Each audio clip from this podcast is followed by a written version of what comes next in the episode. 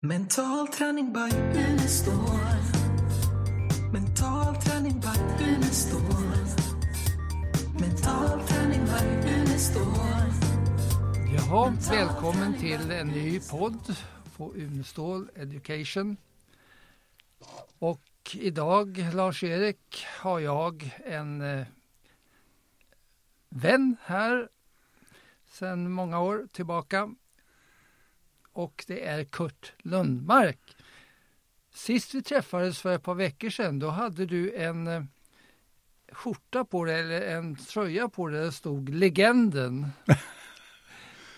Förklara, varför betraktas du som en legend? Ja, det, faktiskt har jag aldrig funderat på det, men eh, det är många som säger att du är både legend och ikon och allt möjligt. Så att, eh, legend så tillvida att man har kommit upp i åren så pass mycket som man kanske kan kalla sig legend. Och sen har jag varit med väldigt många år i, i de här idrottsliga sammanhangen så att många uppfattar nog en som eh, legend. Själv gör jag Ja. kanske inte det. Eh, sen är du väl den enda som har eh, fört ishockeylandslaget till en guldmedalj i olympiaden.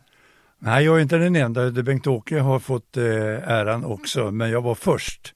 Eller, var först. Vi, vi vann 94 och före det så hade inte Sverige vunnit. Men eh, sen kom ju Bengt-Åke 2006. Ja. Så vi är två stycken som har den här, ska vi säga titeln att vi har nått fram ända till ett eh, OS-guld. Ja. Men han har bara kopian, det har jag påmint honom om vid, vid väldigt många tillfällen. Mm. Eh, och innan dess så eh, hade du varit med och tagit flera VM-guld också i ishockey. Ja, faktiskt har jag haft en fantastisk tur att vara vid rätt tillfälle och ha rätt uppgift och mött rätt människor som har bildat de här fina lagen som har kunnat nå fram ända till eh, de här finalerna. Jag har varit med om väldigt många finaler och eh, vunnit som sagt både två VM-guld och ett OS-guld. Det känns ju väldigt eh, Ja, det är fascinerande på något sätt att få uppleva det. Ja. Jag tänkte vi skulle mm, prata lite om eh, din karriär och eh, de erfarenheter du har gjort och eh, vad man kan lära av det. Både när det gäller teambuilding och när det gäller att kunna prestera bra när det gäller och så. Och eh, när man tittar på till exempel ett ishockeylag så och ska leda det i, i en turnering som VM eller OS så är det ju viktigt att eh, få dem att... Ja, dels är det viktigt vilka man plockar ut. Och då har man det här med eh, individen som kommer i, i centrum. Men sen under, under eh, gång så är ju kanske laget det viktigaste. Men just det här kopplingen mellan laget och jaget, hur har du jobbat med det? Ja, det är många som ser laget, att det är laget som presterar, men eh, så är det ju faktiskt inte, utan det är ju individerna, de olika individerna i laget, det är de som gör prestationen. Och det är det man måste hålla isär på något sätt, att eh, man, man får individerna i laget att för det första förstå sin uppgift, att förstå sin roll, att acceptera sin roll, att man eh, också accepterar de andra i laget ingående, eh, ingåendes roller. Så att man får den här harmonin i laget och det är väl kanske det som är mitt viktigaste uppdrag som landslagsledare i alla fall. Det är en väldigt kort eh, period du är tillsammans och ska prestera på allra högsta nivå. Det är skillnad när man jobbar med ett klubblag som du har kanske både en säsong och två säsonger och tre säsonger att eh, påverka den här processen. Men i Du, ett du har landslag jobbat som, med, med klubbar också? Ja, jag har jobbat med klubbar Vilka också. då? Jag har jobbat med eh, Västerås och jag har jobbat med HV71. Jag har jobbat i eh, Tyskland, ett lag som heter Preussen Devils då och sen har jag jobbat i Helsingfors med Jokerit. Och du började själv som ishockeyspelare var? I Skellefteå? I Skellefteå. Skellefteå. Och sen var jag uppe i Kiruna och spelade där och sen i Västerås avslutade jag min karriär. Ja. Så att jag har ju levt i, i den här eh, världen i väldigt, väldigt många år. Sen pojklagsspelare där jag började i Skellefteå. Eller kvarterslag kan man säga. Ja. Det var ju populärt på den tiden när en annan växte upp. Då var det kvarterslag. Mm. Och sen blev det ungdomslag, juniorlag och representationslag, A-laget så att säga. Mm. Och eh, ja, det som har varit fördel för mig är att jag har haft många väldigt kloka ledare skulle jag vilja säga som jag har kunnat eh, ta det bästa ifrån och lära mig väldigt mycket. För att, jag vet inte om jag hade någon ådra redan som eh, ung, den här nyfikenheten att, att eh, få jobba med människor, att eh, få människor att trivas. Jag hade eh, oftast uppdraget att vara lagkapten eller assisterande lagkapten i, i de lag som jag eh, deltog i. Och det kanske fanns en eh, tanke bakom det redan i unga år, att eh, jag hade den egenskapen kanske. Ja, det här att eh, leda tillsammans med någon. Eh, under eh, i, i landslaget så, så var ju du mycket tillsammans med Tommy Sandlin. Mm. Och ni eh, betraktades ju som väldigt bra komplement till varandra. Eh, eh, där, eh, vad jag förstår, du fick eh, ryktet om att verkligen kunna motivera spelarna, skapa eko eh, hos dem, medan Tommy mera var kanske eh, strategen och tänkaren och, och, och att den kombinationen då eh, hade en väldigt bra effekt. Eh, man talar ju samma sak när det gäller Lagerbäck och eh, Söderberg. Att de kompletterar varandra på ungefär samma sätt. Vad säger du om, om just den här?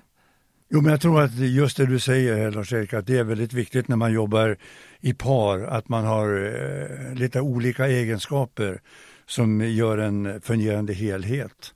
Det är väl ändå det i slutändan som kommer att fälla avgörande om man blir lyckosam eller inte. Och just det här att, förlåt, att ha de här eh, grundläggande egenskaperna som gör att eh, gruppen i sig känner sig trygga i de roller vi också företräder så kan man nog få ett eh, bättre resultat utav varje enskild individ där också. Att skapa den här tryggheten i det uppdrag vi har. Mm. Jag kommer tillbaka till det, eh, det här med jaget och laget.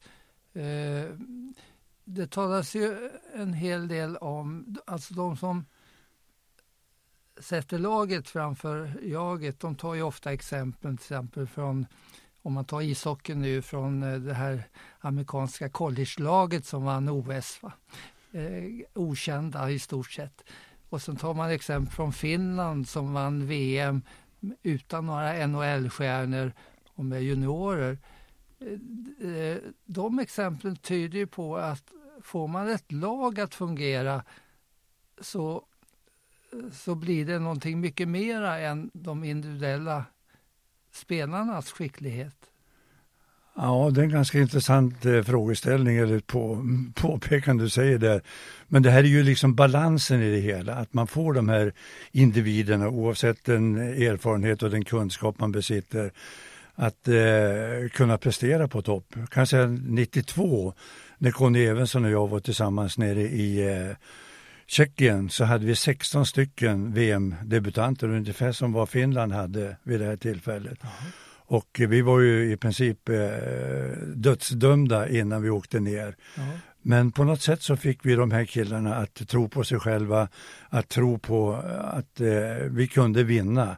Förutsatt att vi, att vi gav oss hän och att vi gjorde den här uppgiften vi fick till 100 procent. Vi fick stryk av Tyskland, vi, vi var strykpojkar, vi spelade oavgjort mot Italien till exempel. Som inte, så det är väldigt välkända inom hockeyn. Så vi hade en väldigt motig start på det VMet.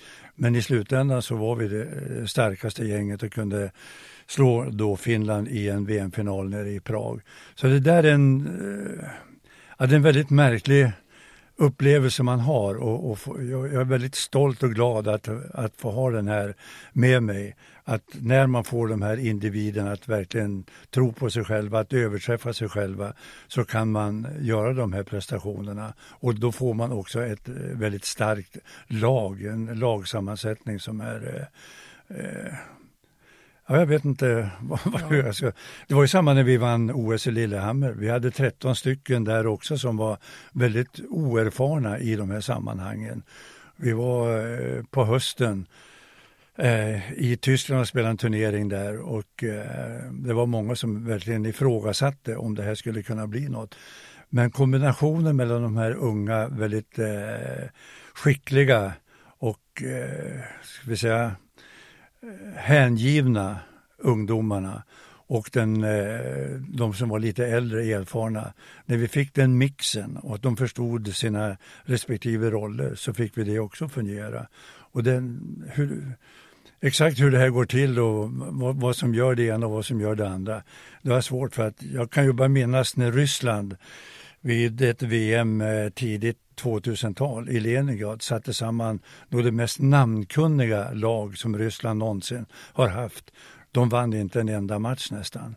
Så att eh, det gäller att få de här individerna att verkligen tro på sig själva och bilda den här homogena gruppen. Och att, att tro, på, tro på, på det man har föresatt sig.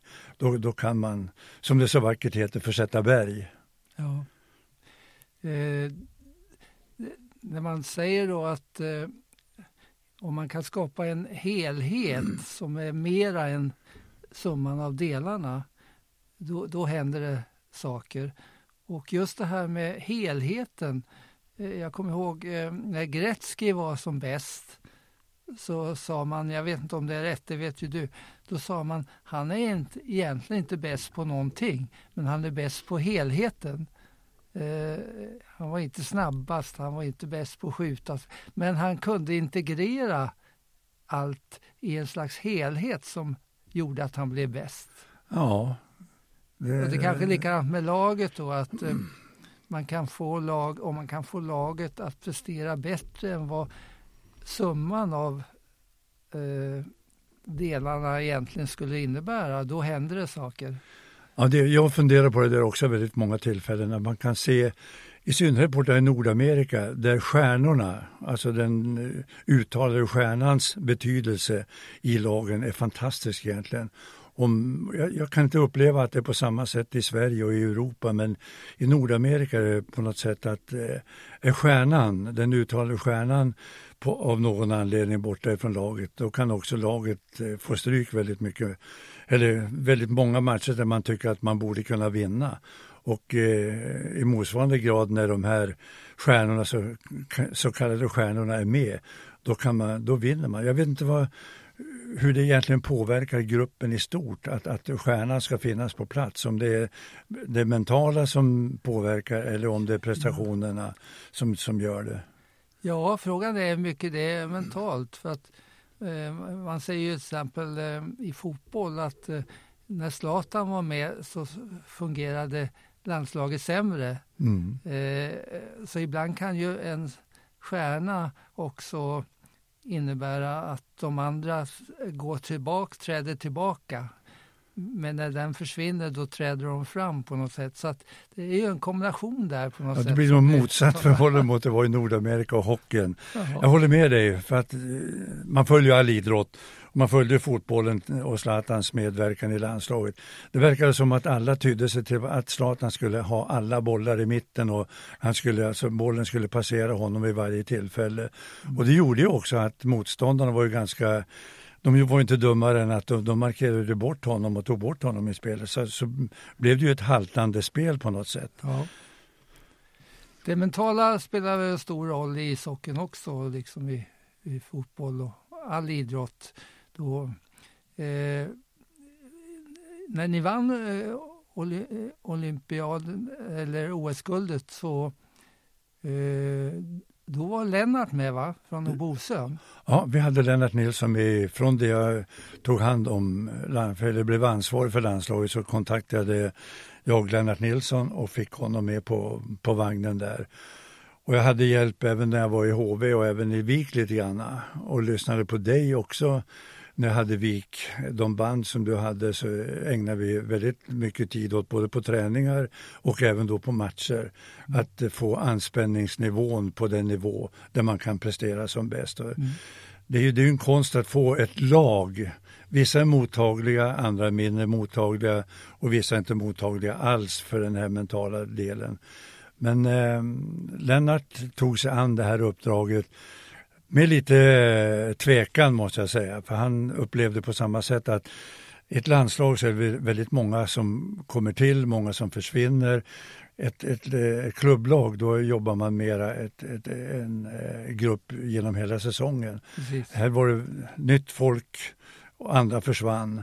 Men jag tyckte ändå att Lennart gjorde ett jättebra jobb tillsammans med oss och kunde han lärde sig väldigt mycket av våra enskilda spelare, våra individer. Mm. Och eh, de också tog till sig väldigt mycket. En del var lite skeptiska till att börja med men eh, i slutändan så tror jag att väldigt många utav dem som tog till sig det här att de var väldigt tacksamma att eh, de hade fått lära sig det här, vad, vad det här innebar för deras egen prestation. Mm. Ja, det är intressant du säger för att eh, när vi eh, när Lennart och jag diskuterade det här innan så eh, sa jag att eh, det är lite tveksamt om man ska sätta in mental träning i samband med en turnering. Eller, därför att mental träning är någonting man bygger upp under längre tid. Eh, och, eh, men eh, det är klart det kan finnas eh, moment även i en turnering där det kan vara eh, bra kanske att ha, ha med någon. Men själva tanken med mental träning är ju precis som fysisk träning att, att man bygger upp det under flera år. Så att det är ju även så när ni, när ni tar in någon till en match eller en turnering, då sätter man ju inte igång och träna. Det gör man ju eh, som en eh, förberedelse under månader innan en turnering. Och samma sak är det med mental träning. Men som sagt, det kan finnas moment där man kanske kan ha nytta av det även då. Ja, men jag tror precis som du säger Lars-Erik att det handlar om en lång process man måste ta till sig. Och eh, det som jag reagerar för vid många tillfällen det är när lag hamnar i trångmål, man förlorar ett antal matcher. Då säger man att du ska ta kontakt med en mental rådgivare. Mm det, det ger väldigt lite effekt skulle jag vilja påstå för stunden. Däremot så kan man över tid, en lång process, så lär man sig det här. Men kanske någon liten, liten del eh, kan man hjälpa till med, eller kan ni som är duktiga på det hjälpa till med att man kan få individer att tänka lite annorlunda, att, att eh, komma på rätt anspänningsnivå skulle jag vilja påstå. en del är ju väldigt, o, eller man är väldigt spänd inför olika uppgifter, nervös inför, inför sina uppgifter. Och där kanske man kan påverka för stunden men eh, i det långa loppet så är det en lång process det handlar om. Mm. När det gäller eh, eh, att få eh, spelarna att eh, vara med i även beslutsprocessen och så, så är det ju lite olika mellan eh, till exempel eh, mer auktoritära tränare nere i Europa och den svenska modellen som haft mer av eh, eh, engagemang från spelarna. Hur är det i ishockeyn? Det är väl inte så som det var i handbollen att Bengan överlät en hel del åt spelarna, till exempel vid timeout och så. Det ser man ju sällan i, i socker, men ni har ändå med spelarna i, i planering och beslutsprocessen på, även i socken. Absolut. Ja, men det är ju det kanske det grundläggande, det är att man får spelarna att vara med i den här processen. Att jag ska kunna, att jag ska stå med alla svar, det är en fullständig omöjlighet. Jag befinner mig inte ute på isen utan det är de som känner klimatet ute på isen. Däremot så kan jag förbereda dem på det sättet att jag ger dem x antal arbetsuppgifter de får fundera på i fem år, för vi jobbar ju i fem år oftast. Mm. Man får diskutera och komma med gemensamma lösningar. Så att vi har en eh, gemensam taktik, en gemensam handlingsplan hur vi ska behandla motståndaren och hur vi ska behandla den här uppgiften. Alltså gå ut till ett, ett uppdrag och inte ha fått bekräftelse från, eh, från lagmedlemmarna det är ju det är dödsdömt skulle jag vilja påstå. Mm. Och det tycker jag att den svenska ledarskapsmodellen är fantastisk. Mm. Sen att Bengan hade det på ett sätt och att eh, andra ledare har det på, på sitt sätt och alla grupper har ja, en speciell eh, ska vi säga, atmosfär hur man vill jobba efter. Men det är just att vi i Sverige har en eh, väldigt, eh, skulle jag vilja påstå, en demokratisk, ett demokratiskt sätt att arbeta i, i, i, grupperna. Det är inte som i Ryssland i alla fall, de skäller från första stund till sista och det har jag aldrig, aldrig begripit mig på. Just det här att, att eh, domdera och skälla över människor. Det är svårt att se att man ska kunna prestera under de förhållandena. Ja. Det här med, som är lite unikt för uh, ishockeyn, det här att ni jobbar i femmor. Uh, Eh, det är ju intressant. Gäller det också när det gäller målsättningar? Att varje femma kan jobba med sina målsättningar? Ja, det har blivit mer och mer på det sättet att man har roller i sina femmor. Att man har kanske första, andra femman som en offensiv. Det är de som ska avgöra matcherna eh, och göra de här viktiga målen. Och sen kanske man avlastningsfemma, den fjärde femman som får eh, hoppa in lite då och då. Men man ställer inte kravet alls att de ska göra mål och vara avgörande. Så att det har blivit mer och mer på det sättet. Det här kommer från Nordamerika där det var mer rollspelare på något sätt. Mm. Så att eh, idag är det mera åt det hållet att man pratar första femman, då ska man göra det, andra femman ska man göra det, tredje femman och fjärde femman. The garbage line som man säger. Mm. Men oftast jag ska inte säga vid varje tillfälle, men oftast är det så att fjärde femman har den här djävulusiska arbetskapaciteten och har det här tänket inom sig att vi ska minsann visa dem att vi kanske också skulle ha varit andra eller tredje formation om inte annat. Och då får man dem kanske att överträffa sig själva i den situation de befinner sig. Och det är ganska intressant att se det också. Mm. När det gäller laget som helhet och målsättningar eh, vi pratar ju ofta om att eh, eh kanske ersätta resultatmål med processmål. Eh, och eh, hur är det, om man tar till exempel en VM eller OS-turnering så är det ju två delar. Det ena är gruppspelet och det andra är slutspelet. Eh, hur jobbar man med målsättningar där? Är det att man eh, delar upp det, målsättningen för gruppspelet och slutspelet eller går man direkt på slutspelsmålet? Nej, det gör man inte utan det handlar ju i första hand om att skapa relationer, relationsmålet, att man får gruppen att anpassa sig till. Det är så kort tid man har på sig att bygga det här laget så att man måste börja i den ändan att få de här individerna att anpassa sig till varandra, att förstå sina roller, att arbeta in sig i sina roller.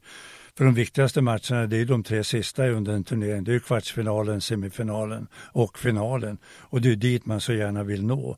Att när vi kommer väl dit, vi har ju naturligtvis ett grundläggande resultat att vi ska vara på pallen innan vi åker hem därifrån. Men innan slutspelet så sätter man sig i en ny fas och eh, tar nya målsättningar. Då känner vi att nu har vi nått det här, nu är vi ett, ett lag, nu är vi en, en eh, sammansatt grupp människor som verkligen känner för varandra. Då kan man också mera eh, i detalj gå in för att hur man ska hantera kvartsfinalen. Då vet man vilka man möter där. Sen vet man vilka man får möta i en semifinal. Att man tar dem var för sig. För det att, att börja resultatinrikta redan från början. Man vet inte alls vilka lag man möter i slutändan. Nej. Så att det är bättre att, att vänta med det till, tills man är mer klar på vilka det är som man, man har att eh, möta i de här viktiga matcherna. Mm. Men relationsskapande är för mig det absolut viktigaste. Mm. Att man börjar där och att man inte börjar prata resultat innan turneringarna har börjat. För det är, det är dödsdömt helt enkelt i min värld. Mm. Det är ju eh, många som inte har förstått det här att eh, eh, sätter man upp ett eh, slutmål från början till exempel att vi ska vinna allsvenskan och, se, och sen efter några matcher så har man inte chansen, ja då, då försvinner ju motivationen även för, för matcherna sen. Så att det gäller ju att ha motivation för varje match och ha mål då att det är nästa match som gäller. det är den som vi ska vinna. Eh, och eh, att också veta att eh, vinna beror på att man spelar bra så att, att det också blir eh, processmål. Att för att nå vinstmålet så måste vi ha mål av, som gäller processen för Mm. att komma dit. Ja, men det är det jag tror att många eh, gör fel, vad som är rätt och fel. Men i min värld i alla fall, när man innan serierna startar så berättar man högt och tydligt och eh, lite vidlyftigt också att man ska vinna den här serien. Och eh, sen får man stryk första matchen, man får stryk andra matchen, man får stryk tredje matchen, supportrar, sponsorer, media. Man får alla de här mot sig, vad var det ni påstod innan? Och då blir det här en oerhörd belastning för laget eller för, för de individerna i laget men också klubben i de här sammanhangen blir ifrågasatta. Och det blir, det blir inte prestationen ute på plan som, som man fokuserar på utan det är slutresultatet. Och då, då är man eh, borta på något sätt. Man måste våga agera här och nu och inte våndas för slutresultatet för då blir det, det blir aldrig bra. En, en eh, aktiv måste känna glädjen att vara på, på plan och prestera här och nu och inte vara orolig för vad kommer tidningarna, vad kommer sponsorerna, vad kommer supportrarna säga efter den här matchen. Jag var själv med i HV71 när vi HV71 var kända för att vinna på hemmaplan och förlora på bortaplan. Under. Sen vände det här plötsligt att vi förlorade på hemmaplan och vi vann på bortaplan. Vad gjorde vi då? Jo, det var lite kärvt att gå ut och handla på stan. Man vågar knappt möta människor för det är det stora intresset i Jönköping. Ja, vi vann på bortaplan, så jag gick upp till min klubbchef och frågade om vi inte kunde få agera vid hemmamatcher som vi gjorde på bortaplan. Det vill säga vi åkte buss eller vi flög. Vi kom in till hallen som om vi vore ett bortalag. Han tyckte att det där lät ju jäkligt eh, märkligt att vi skulle göra det, men han sa att kör. Så från Jönköping åkte vi ner till Hooks herrgård och tillbringade en eftermiddag där. Åkte in till Rosenlundshallen som det hette då, som ett bortalag. Vi spelade oavgjort den matchen. Sen åkte vi upp till Umeå på torsdagen, vann, det var inga problem att vinna på bortaplan. Sen var det match mot Färjestad hemma på söndag. Eh, min lagkapten Thomas Lindster kom till mig och bad att vi skulle få göra samma resa nu. Men jag var lite tveksam för jag tänkte, nej men, eh, nej, vi gjorde det i alla fall. Då åkte vi till Mullsjö, lika långt åt andra hållet. Åkte in, vi låg under med 4-1 när sista perioden började mot, mot Färjestad. Då. Vi vände och vann med 5-4. Och sen så vann HV på hemmaplan och förlorade på bortaplan. Så att det var en, eh, jag vet inte om det var det avgörande, men i alla fall så jag, jag, jag tänkte till och fick också spelarna med mig att göra det här lilla experimentet och kunde vända det här. Om det var huvudet eller om det var prestationen, jag vet inte. Den fysiska prestationen, men vi vände och vann i alla fall. Ja, intressant. Eh, eh har du upplevt någonting som jag brukar kalla för bröllopsdepression? Eh, som innebär att eh, när man har nått ett mål så går luften ur. Man ser det i arbetslivet när man jobbar i projekt. Där man eh, är inne i tredje, fjärde projektet. Det är svårt att få samma motivation som i första projektet. Och, så. och eh, idrotten kan man se det genom att eh, eh när man har till exempel vunnit så kan det vara svårare att upprepa vinsten. Eh, och eh, jag vet Eh, i samband med eh, Färjestad vann på 90-talet så, så hade vi ett krismöte och då sa många krismöte, de har just vunnit serien. Jo, men just så många vinner och sen går det dåligt året efter. Eh, hade samma sak i Helsingborg när de vann fotbollen. Eh, för fem lag har vunnit eh, allsvenska i fotboll och åkte ur serien året efter.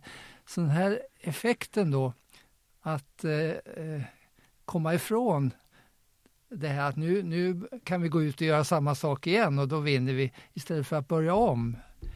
Har du upplevt att det har funnits en sån eh, luften ur om det går bra? Ja, både och skulle jag vilja påstå, men samtidigt så har jag uppve- upplevt motsatsen också. Ja. När vi har, men nu handlar det här om landslag och det är väldigt många olika människor som är med i de här landslagen. Men eh, när vi har haft våra målsättningsmöten innan turneringar så är det många som har ritat Sergels torg på pappret.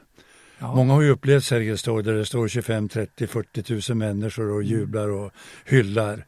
Och de som inte hade möjligheten att vara med utan kom nya till laget, de har också skrivit att de vill också uppleva Sergels torg för de har ju sett det på bild och, och på tv naturligtvis.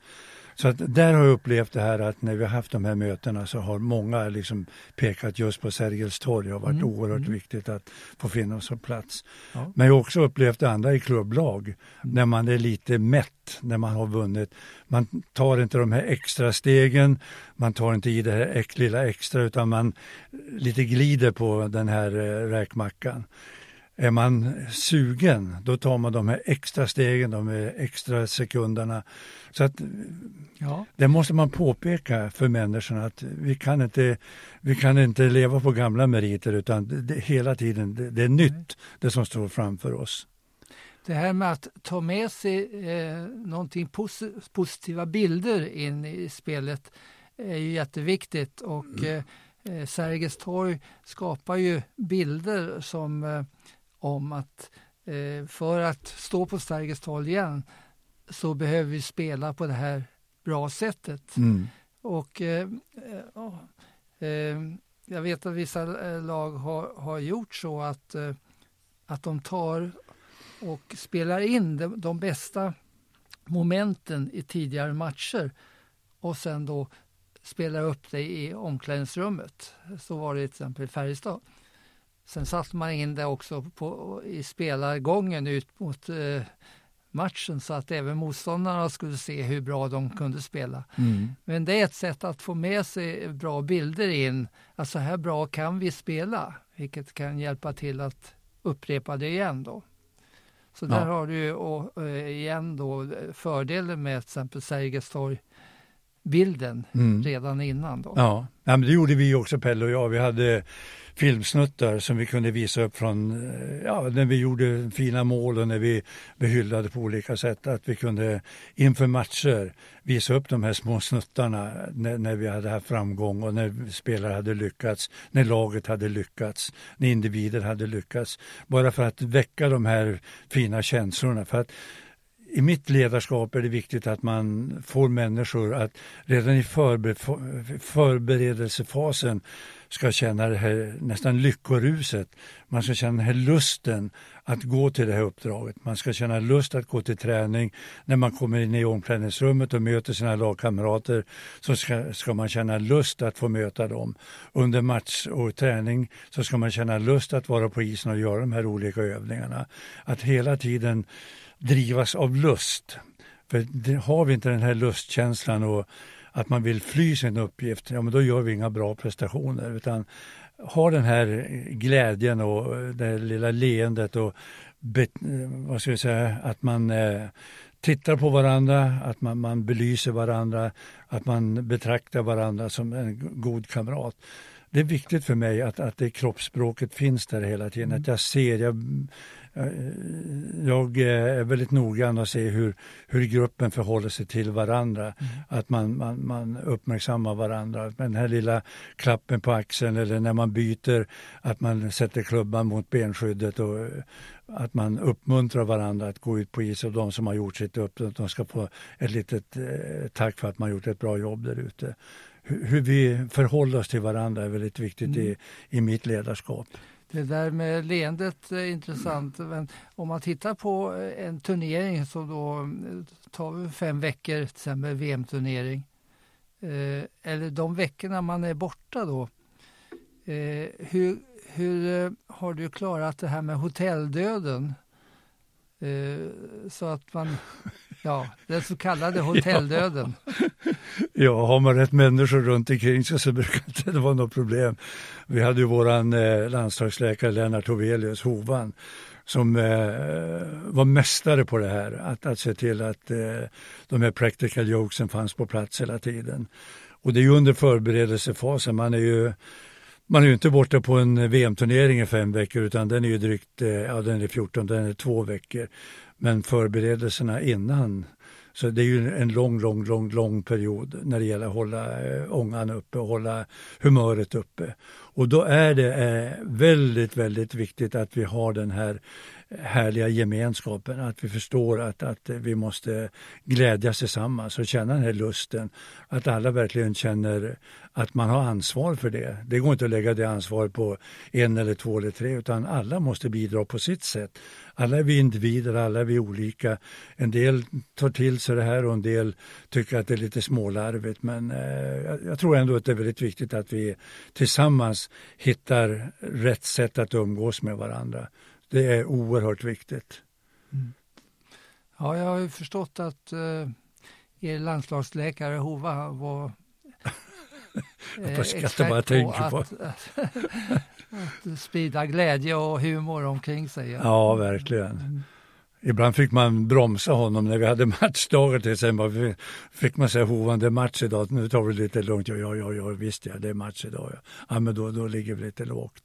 Han ville ju hela tiden hålla på. Han hade ju sina speciella eh, ska vi säga, objekt också inne i laget så man visste att man, att man fick igång laget. Alla skrattade och tyckte det var skitroligt när man höll på med varandra. Och Hovans skratt. Vi hade en kille som hette Robert Burakovsky från eh, Malmö. Han sa, att Hovan du skrattar som en jävla fasan.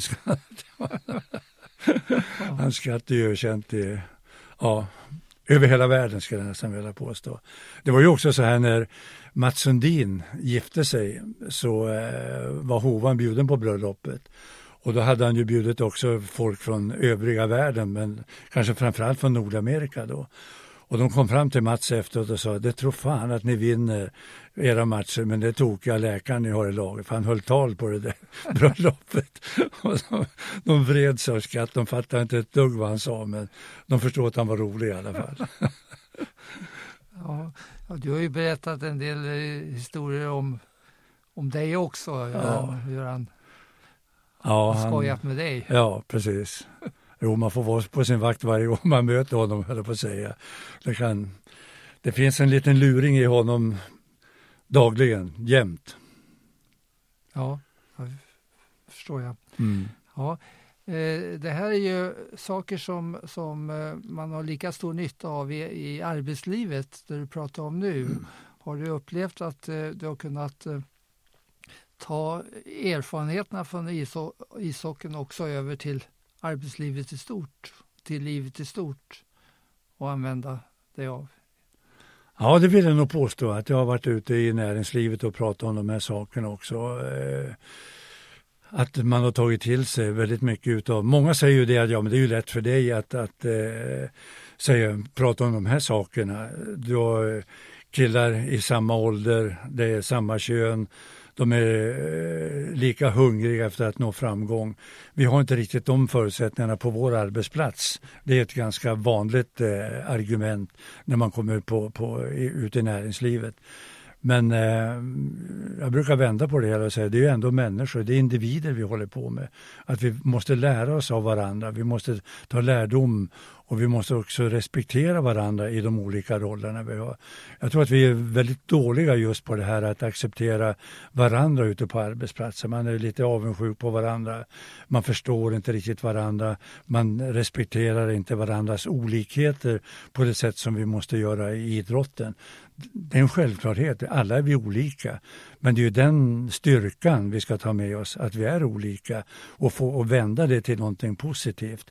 Men i, ute i näringslivet så tror jag inte att det är riktigt på samma sätt att man, att man förstår den styrkan. Och sen beror det också på är det tusen personer man pratar om eller är det 50 personer man pratar om eller är det 10 personer man pratar om?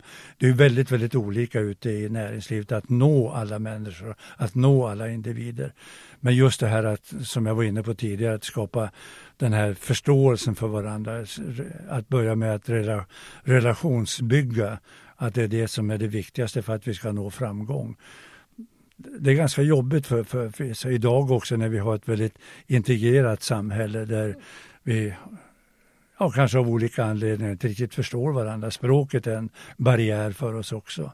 Så måste vi vara ändå mer noggranna hur vi tilltalar, hur vi umgås med varandra. Mm. Där är ju, vi, vi befinner oss i en brytningsperiod på något sätt nu, hur vi ska förhålla oss till varandra. Och det är också väldigt viktigt att vi, att vi respekterar att, att tiderna förändras så att vi kanske i vår, i, i vår gemenskap också beaktar det på ett annat sätt. Att vi eh, respekterar det förhållandet. Mm. Många eh, ser ju fram mot eh, pensioneringen eh, och sen när man väl blir pensionerad upptäcker man eh, vilket elände det är för många.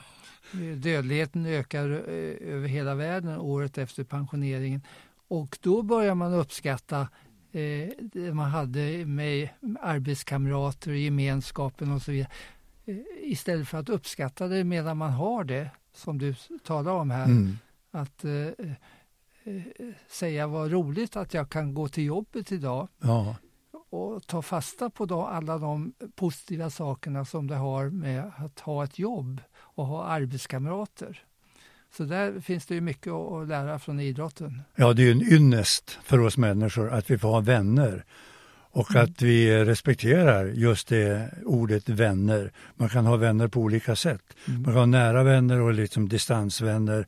Men man ska vara rädd om de vänner och de arbetskamrater framför allt man har. Det är precis vad du säger Lars-Erik, att det är många som säger i efterhand när man kommer hem och sätter sig i soffan och stirrar i väggen fasen vad bra jag hade det när jag gick till jobbet. Jag hade, jag hade någonting, jag kände mig behövd, jag hade någon att prata med, jag hade någon att umgås med, jag hade någon vi kunde göra saker och ting tillsammans. Nu plötsligt sitter jag bara här. Och då har man inga vänner kvar. Jag har ju, där, jag har ju idrottskamrater till och med som har drabbats av den här ensamheten och jag förstår mig inte på dem riktigt.